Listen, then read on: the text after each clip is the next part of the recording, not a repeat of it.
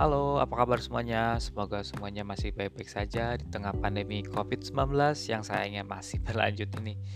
Nah, episode kali ini cukup menarik karena kita akan membahas sebuah koleksi jam yang sangat amat populer. Nah, kalau kita menggabungkan kata film dan jam, salah satunya kita pasti akan teringat dengan jam James Bond dari Omega.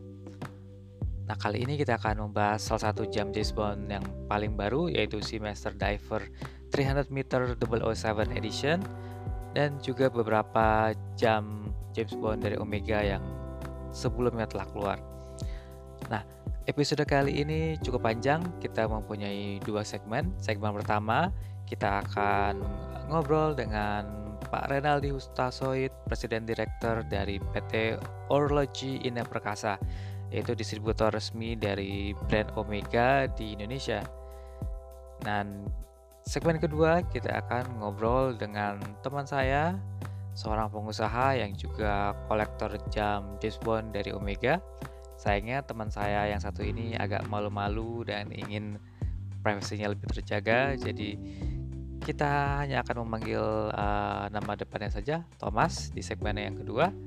Dan Thomas akan sharing pengalamannya mengoleksi jam James Bond dari Omega, termasuk jam yang terbaru. Halo Pak nah mungkin kita bisa mulai uh, obrolannya dengan mengulik sedikit sejarah tentang jam uh, Omega dan James Bond. Bisa diceritain sedikit nggak sih uh, bagaimana sejarahnya? Jadi James Bond ini udah pakai uh, jam tangan Omega itu sejak tahun 95. Sejak tahun 95 tuh udah 9 kali uh, ada film James Bond dan setiap kali ada film James Bond itu semua menggunakan jam tangan itu jam tangan Omega. Jadi uh, bisa dibilang sudah ada 9 uh, tipe jam tangan James Bond uh, ya namanya yang dikeluarkan oleh Omega sesuai jumlah filmnya, tapi ada beberapa film di mana Omega mengeluarkan beberapa tipe uh, jam. Kalau untuk yang kali ini kebetulan juga Omega mengeluarkan dua tipe, jadi ada dua uh, di, apa uh, sebenarnya sih jam tangannya mirip, cuma perbedaannya yang satu tipe itu pakai uh, rantai bracelet, yang satu lagi pakai NATO strap. Nah ini kan menariknya Daniel Craig ikut berperan nih dalam mendesain uh, desain jamnya. Ini pertama kali nggak sih terjadi seorang aktor tuh ikut dalam desain jamnya dan apa aja sih input dari Daniel Craig? Jadi dalam uh, proses perancangan jam tangan Omega oleh seorang aktor setahu saya memang sudah uh, sudah ada beberapa kali. Yang saya ingat sekali itu adalah dulu pernah ada Nicole Kidman ikut mendesain jam tangan Lady Matic, uh, tapi memang bukan untuk dipakai di film. Uh, hanya jam tangan Lady Matic itu memang waktu itu dibuat untuk seorang perempuan yang uh, sukses. Dan pada saat itu Nicole Kidman adalah ambasador Omega yang akan meng-highlight koleksi Lady Matic itu. Tapi kalau untuk jam tangan yang benar-benar dipakai di film dan malah bisa dibilang jam tangan Omega di film film James Bond terakhir terakhir sembilan terakhir ini bisa dibilang menjadi salah satu bintang bintang utamanya lah bisa dibilang kali ini di film No Time to Die Daniel Craig itu memberikan beberapa masukan salah satu masukannya itu misalnya menurut dia James Bond ini James Bond kan sebenarnya adalah uh, pasti dia punya background militer ya. Nah, jadi menurut Daniel Craig kalau orang yang backgroundnya militer dan ini adalah sebuah alat yang akan dipakai dalam operasi di tampilannya juga Daniel Craig memberikan masukan. Dia bilang supaya agak beda, supaya kelihatannya lebih menarik, uh, dibikin supaya jam tangannya itu agak tampak lebih tua. Uh, ya bahasa bahasa kerennya bahasa Inggrisnya ada patinanya, di mana kayak kayak jam tangannya ini sudah mulai apa uh, seperti kayak sudah mulai kelihatan vintage kayak gitu. Nah itu juga merupakan masukan dan jadi ada karakter-karakter vintage dari segi uh, pemilihan warna, uh, terus mungkin dari segi pemilihan bentuk rantainya itu yang sebenarnya uh, mungkin uh, di merupakan masukan dari Daniel Craig tuh. Kan tadi dibilang kalau jam ini dibuat lebih ringan ya. Bisa diceritain ya. lagi nggak sih kan jamnya materialnya dari titanium grade 2 itu tuh material seperti apa sih? Jadi kalau untuk jam tangan material titanium itu biasanya yang dipakai ada dua tipe. Satu adalah uh, titanium grade 2 yang dipakai di jam tangan Uh, nama resminya adalah Simas Omega Seamaster Diver 300 meter uh, 007 edition. Jadi di koleksi ini kita memang pakai titanium grade 2, tapi juga ada satu tipe titanium yang biasa dipakai untuk jam tangan, itu disebutnya titanium grade 5. Nah, titanium grade 5 ini biasanya memang lebih uh, berkilau, lebih kayak stainless steel biasa karena memang sebenarnya titanium alloy. Dia bukan titanium murni lah bisa dibilang. Tapi kalau titanium grade 2 itu adalah sebuah titanium yang lebih di titanium grade 5. Maka memang titanium kedua ini finish abu-abunya ini justru yang dicari sama orang karena ini yang membedakan bahwa jam tangannya ini atau bukan gitu. Jam ini kan dibuat agar lebih ringan ya. Selain uh, material tadi ada bagian lain nggak sih di jamnya yang yang dibuat lebih, lebih ringan terus perbedaan beratnya antara edisi ini dengan semester yang biasa seberapa besar sih? Kalau dari segi berat spesifiknya berapa apa bedanya berapa saya belum pernah uh, ini sih informasi ini kita belum pernah terima tapi uh, kalau kita pegang sendiri uh, saya sudah pernah pegang versi biasanya si Master Diver 300 meter dan uh, James Bond uh, No Time to Die ini uh, 007 edition uh, kira-kiranya menurut saya sekitar 25% lebih ringan. Nah, kalau tentang movementnya bisa diceritain nggak sih movement apa yang dipakai di jam ini apa aja movement yang sama dengan di si Master yang versi biasa? Untuk movementnya sendiri di Seamaster Diver 300 uh, 007 Edition ini menggunakan kaliber 8806. Uh, ini udah teknologinya sudah master chronometer. Jadi memang master chronometer ini untuk diver 300 meter nih sudah untuk versi uh, 300 meter yang sekarang itu merupakan sebuah standar.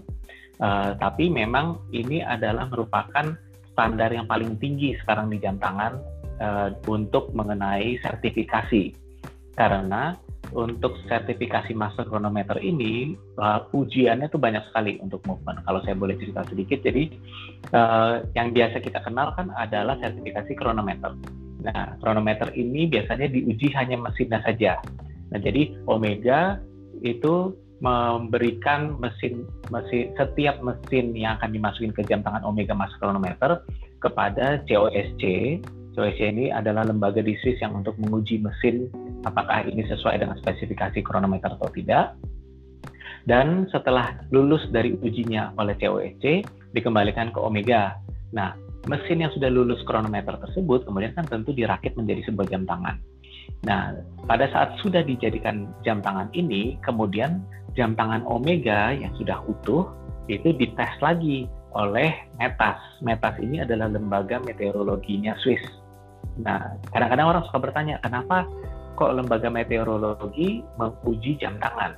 Nah, sebenarnya lembaga meteorologi ini adalah sebuah lembaga di semua negara uh, itu adalah lembaga yang berwenang untuk menera bahasa Indonesia menera itu adalah istilahnya uh, menentukan uh, bobot, menentukan waktu, uh, di sana bobot satu kilogram itu berapa berapa berat bobotnya satu liter itu berapa banyak volumenya dan juga ketepatan waktu juga mereka yang uh, berwenang untuk menentukan tepat atau enggaknya.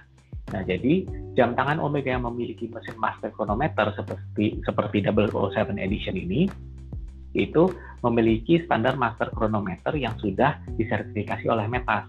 Jadi satu ketentuannya udah pasti dia adalah mesin chronometer bahkan dengan teknologi koaksialnya Omega lebih tepat dari standar chronometer biasa di mana kalau standar kronometer biasa itu ketepatannya uh, memiliki rentang 10 detik untuk setiap hari dan kalau di Omega ini dua kali lebih tepat untuk master kronometernya karena hanya 5 detik toleransi ketepatannya setiap hari. Kemudian salah satu keunggulan Omega juga adalah kita mesin master kronometernya ini sudah kebal magnet. biasanya kalau jam tangan merek-merek lain itu untuk menjadi kebal magnet mereka uh, men menempatkan mesin biasa di dalam sebuah rangka yang melindungi mesin tersebut dari uh, daya magnet dari luar lah misalnya ya. Nah, tapi untuk Omega, mesinnya sendiri kita rancang dan kita buat memang mesinnya tuh kebal magnet. Jadi bahan apa pun, rangka seperti apa pun tidak akan berpengaruh terhadap kekebalannya terhadap magnet. Makanya ini adalah salah satu uh, syarat untuk menjadi master chronometer yang sampai saat ini hanya dapat dipenuhi oleh Omega.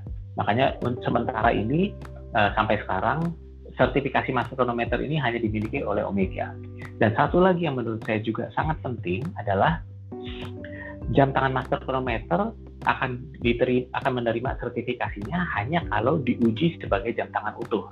Jadi dalam hal ini Omega memberikan pengujian ibaratnya quality control dari jam tangan utuhnya itu kepada pihak ketiga. Nah, jadi kalau misalnya kita berani memberikan produk kita kepada pihak ketiga untuk diuji, saya yakin pasti standarnya pun sudah tinggi sekali.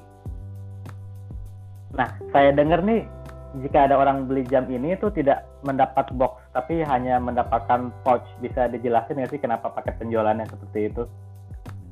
Ya benar, memang untuk 007 edition si Master Diver 300 meter ini uh, kita uh, dari Omega itu tidak mempaketkan jam tangan tersebut dengan sebuah box yang umumnya kan jam tangan pakai box ya. Uh, jawaban resmi dari Omega sih saya belum terima mengenai ini karena ini pertanyaannya bagus banget. Sampai saat ini sih baru pertanyaan ini baru baru muncul ya baru sekarang nih. Nah tapi kalau saya sudah melihat uh, pouchnya, pouchnya itu terbuat dari kulit. Dan memang dari jam tangannya sendiri itu kan memang kelihatannya vintage.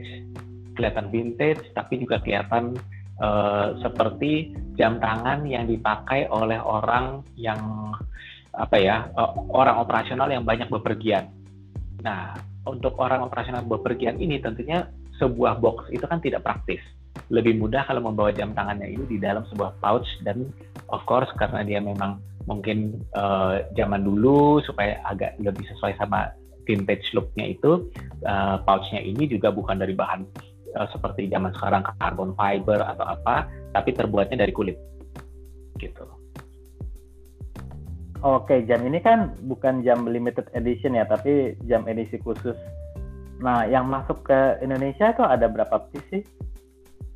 Benar, jam tangan ini bisa dibilang ini adalah jam tangan James Bond uh, pertama yang uh, dalam uh, eranya Daniel Craig yang bukan limited edition. Nah, kalau dulu sebelum Daniel Craig, eranya Pierce Brosnan itu hampir mungkin seingat saya kalau saya nggak salah uh, bisa dibilang semua jam tangan yang film jadi jam tangan yang berhubungan dengan filmnya itu bukan limited edition. Jadi seperti ini sekarang memang special edition dan tentunya karena bukan limited edition, jumlah jam tangan yang masuk nanti ya tergantung uh, permintaan kita dan tergantung supply dari Swiss juga. Karena kadang-kadang misalnya kita minta 10, uh, Swiss uh, hanya bisa saat ini hanya bisa mengirim mungkin 5 tapi nanti mungkin bulan depan dia bisa kirim lagi berapa piece kayak gitu memang tergantung supply and demand sih karena memang tidak ada batasan kapan produksinya uh, diberhentikan. Oke, tapi uh, saat ini ada berapa piece yang available di Indonesia dan jika memang seorang customer kehabisan, berapa lama sih uh, mereka harus menunggu untuk mendapatkan jamnya? saat ini sih kita bisa bilang uh, udah nggak ada yang available karena jam tangan James Bond uh, No Time to Die 007 Edition ini kan sekarang amat sangat diminati ini. Jadi bahkan sebelum jam tangannya sampai uh, di butik-butik, semua jam tangan itu sudah sudah terbayar lunas oleh calon pemiliknya. Nah, untuk kalau ada orang yang tertarik untuk beli, memang biasanya nanti bisa menghubungi butik dan nantinya tentu akan di follow up sama butik kalau misalnya ada jam tangan atau ada shipment yang datang yang ada uh, mengikut sertakan jam tangan 007 edition ini. Nah, dan setelah itu tentu akan ditindaklanjuti dengan proses down payment atau pembayaran di muka atau gimana. Oh, jadi customer itu tidak bisa memesan dulu, harus menunggu ada stok masuk ke Indonesia dulu berarti? Ya, jadi customer bisa pesan dulu, tapi memang untuk menjaga supaya uh, menunggunya tidak terlalu lama, kita biasanya menginfokan kepada customer uh, berdasarkan uh, tentunya ada pertimbangan, tapi biasanya sih berdasarkan siapa yang apa inquiry duluan. Nah, uh, pada saat jam tangannya itu kita tahu bahwa akan datang, baru kita menghubungi customer bahwa akan datang jam tangannya dan nanti customer itu bisa booking lah bisa dibilang karena sering kali kalau kita terus menerima bookingan dari orang sedangkan kita nggak tahu kapan jam tangannya datang. Kasihan customernya kalau harus menunggu bisa berbulan-bulan bisa enam bulan. Eh, kadang-kadang kalau untuk jam tangan yang sangat diminati mungkin seperti ini bisa lebih dari enam bulan untuk nunggunya. Ya tapi kalau ngomongin soal harganya jam edisi W7 ini uh, berapa sih? Dan uh, berapa perbedaan harganya jika dibandingkan dengan uh, edisi Master yang biasa? Jam tangan Diver 007 Edition ini harga retail price-nya adalah 136 juta dan 700 ribu. Nah, untuk jam tangan diver 300 meter biasa yang stainless steel itu sekitar 80 jutaan. Jadi memang ini agak jauh lebih tinggi satu karena memang dia adalah special edition, tapi kedua juga bahannya kan terbuat dari titanium. Jadi emang titanium itu bahannya lebih mahal dibandingkan stainless steel dan tentu akan sedikit uh, menyesuaikan harganya juga. Oke, nah kita kan masih zamannya PSBB ini, uh, customer mungkin tidak bisa datang ke butik. Nah caranya gimana sih kalau misalnya customer ingin uh, pesan tanpa ke butik, berarti langsung menghubungi uh, apa butiknya aja lewat telepon? Bisa lewat telepon. Kalau memang uh, bisa lewat Omega website di Omega website itu omega, uh, www.omegawatches.com itu ada store locator di dalam menunya. Dan di dalam store locator itu kita bisa mencari Indonesia kemudian Jakarta dan nanti ada uh, lokasi butik-butik kita. Di situ juga ada nomor teleponnya Nah, butik kita ini sekarang adanya di, di Jakarta tuh di Plaza Indonesia, Plaza Senayan, Pondok Indah Mall, dan Kelapa Gading. Kemudian di Surabaya kita ada di Tunjungan 4, Tunjungan Plaza 4. Dan di Medan kita ada di Daily Park Mall. Nah, selain dari menghubungi langsung ke butik, itu juga kita uh, sudah menyediakan Instagram dan bisa lewat direct message di Instagram. Instagram kita itu di ourlogy.id. Jadi H O U R L O G Y.id. Nah, di situ bisa kirim direct mail eh direct message dan kemudian nanti akan ada operator yang uh, menjawab dan akan tanya lebih nyamannya dihubungi dari uh, butik yang di mall mana dan ntar akan di, nantinya akan oleh butik yang bersangkutan. Oke, thank you banget Pak Aldi untuk sharing soal jamnya dan stay safe dan sampai ketemu di episode berikutnya. Thank you pemirsa, stay safe juga. Jangan lupa cuci tangan sering-sering.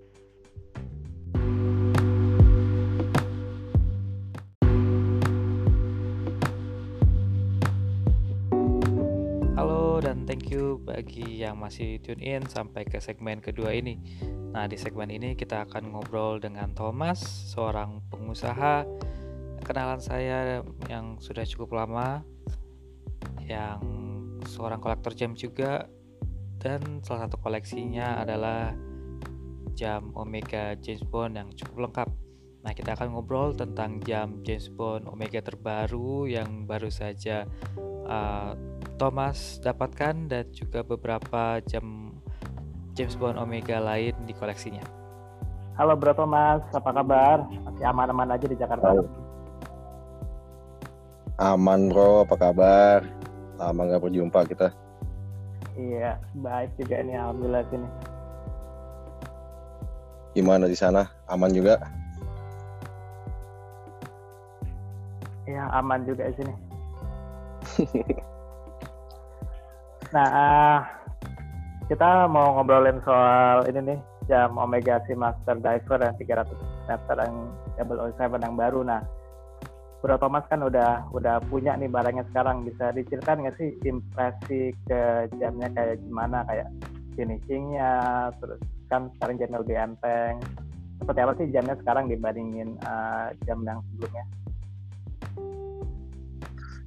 Oke, uh, kita mau bahas ini ya, yang 007 baru lah ya kita ngomong. Uh, ini sih non limited ya, tapi kayak special release lah kalau saya bilang. Kalau luar sih dia all titanium ya, which is ringan banget. Ini jam James Bond yang paling ringan yang pernah gue punya. Enak sih, cuman strapnya aja nih rada-rada kaku nih. Dia kan uh, titanium strap. Uh, enak sih enteng banget gitu loh. Gedenya sama sama yang kayak 300M sebelumnya yang apa ya on, on Her Majesty Secret Service. Dan ini ya kalau saya bilang improvement sih. Banyak plus minusnya kalau mau dibahas mah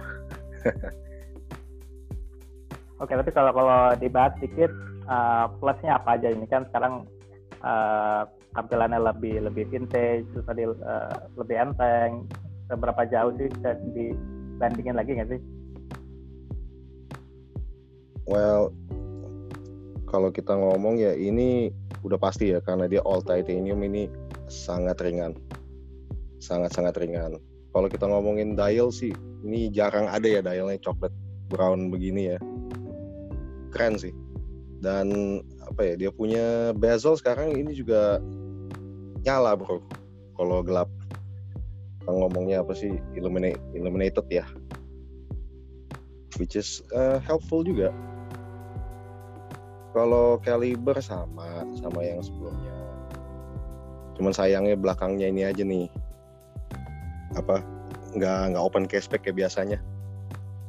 Gitu Oke, terus tapi pas kemarin pesen berapa lama sih uh, sampai dapat jam yang yang ini? Waktu itu saya pesen tuh kayaknya bulan Januari ya. Datang-datang itu April. Which is masih make sense sih. Uh, kita selalu terlambat deh kalau dapat deh di Omega Indonesia mah. Yang luar mau udah rilis, kita belakangan datangnya. gitu ya. Nah, iya. Tapi kan uh, Bro Thomas uh, jam James Bond udah ada cukup banyak nih dengar-dengar koleksinya. Kalau dibandingin sama jam Omega si Master uh, yang James Bond sebelumnya seperti apa sih? Jam yang baru ini jika dibandingin sama jam-jam yang lama?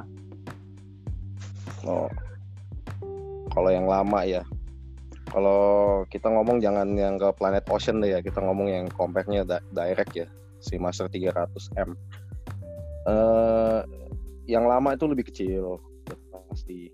Ya kan yang lama 40 mm yang baru 42 mm itu udah beda lah di tangan rasanya. Tapi yang pasti ini yang the first time kayaknya keluarin titanium full titanium. Nah, kalau di compare yang lama, jujur, jujur ngomong, uh, second hand saya, saya lebih suka yang lama, kaliber 2500 sama kaliber 1120 lebih smooth. Dia tickingnya. Kalau yang master koaksial sekarang ini agak jumpy ya saya ngerasa. Ya semua master koaksial sih begitu. Tapi ya plusnya katanya lebih accurate. Tapi kalau soal finishing terus desain jamnya gimana? Kayak dibandingkan sama jam yang sebelumnya? Kalau secara finishing ya, finishing sih tetap sama ya, bagus, smooth, uh, konsisten lah dari dulu Omega.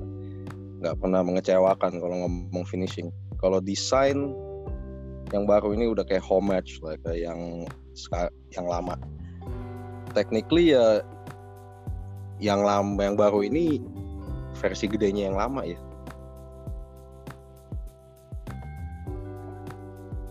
Oke, nah kan uh, jam ini kan kalau ada yang beli cuma cuman dapat uh, letter pouch nggak dapat box. Nah, kalau menurut berapa mas gimana tuh uh, jam harga 100 jutaan ini nggak nggak dapat box tapi cuman uh, letter pouch? Nah, itu dia itu yang pertama saya komplain tuh waktu dapat nih jam ya waktu itu kan uh, saya kan waktu itu dapat jamnya lagi kita lagi lockdown corona ya. Jadi tim Omega Indonesia yang di PI itu datang lah ke kantor kantor produknya. Pas saya terima saya kaget aja. Ah cuma leather pouch. Udah gitu nggak ada extra something else gitu loh kalau ya apa kayak gitu extra strap nggak ada. Dan untuk Omega ya. Dari dulu kan mereka kan the master of boxes gitu boxesnya selalu luar biasa gitu. Kotaknya gede solid cakep. Uh, istimewa lah walaupun produk range normal dia aja pun istimewa boxnya. Uh, yang ini sih agak mengecewakan tapi unik sih. Kita ngomong leather pouch. Nggak ada yang kepikiran untuk kejadian gitu. Tapi ya kurang apa ya impactnya kurang wow aja gitu loh untuk beli jam seharga 100 juta. Dikasih leather pouch. Udah sekian. Ya kecewa sih sebenarnya. Oke tapi uh, tapi nyesel nggak sih beli jam yang ini kan? Jamnya ya to be frank emang emang cukup ganteng kan tapi dengan paket kayak gitu uh, kecewa atau nyesel nggak sih beli jam yang ini? Kalau masalah beli jamnya sih nggak pernah nyesel ya. Ya kita sih beli jam buat beli buat jamnya ya bukan buat kotaknya cuman ya istilahnya uh, gimana ya kita udah dari tahun-tahun beliin Omega kayaknya presentation boxnya itu kan kayak wow yang ini ya jujur 100 juta dapatnya pouch which is eh, sedangkan yang lain-lainnya yang saya beli yang zaman dulu yang 60 juta aja kayak kita ngomong Moonwatch lah zaman itu saya beli 60 juta. Itu kotaknya waduh sampai ada toolkit loh. Itu 60-70 juta kalau nggak saya beli barunya nah tapi kalau ngomongin awalnya nih kenapa sih suka Omega? Terus kenapa suka sama seri yang yang James Bond ini?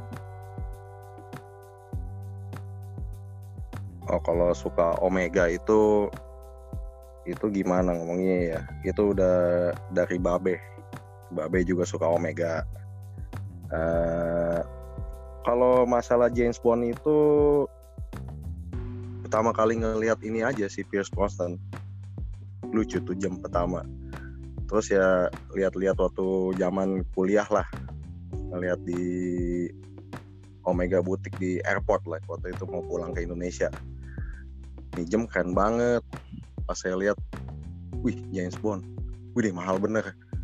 Wah one day perlu beli nih kayak ginian nih. One day one day. Makanya ya secara teknik ya Omega ini gimana ya? Kita ngomong kayak Volvo lah ya.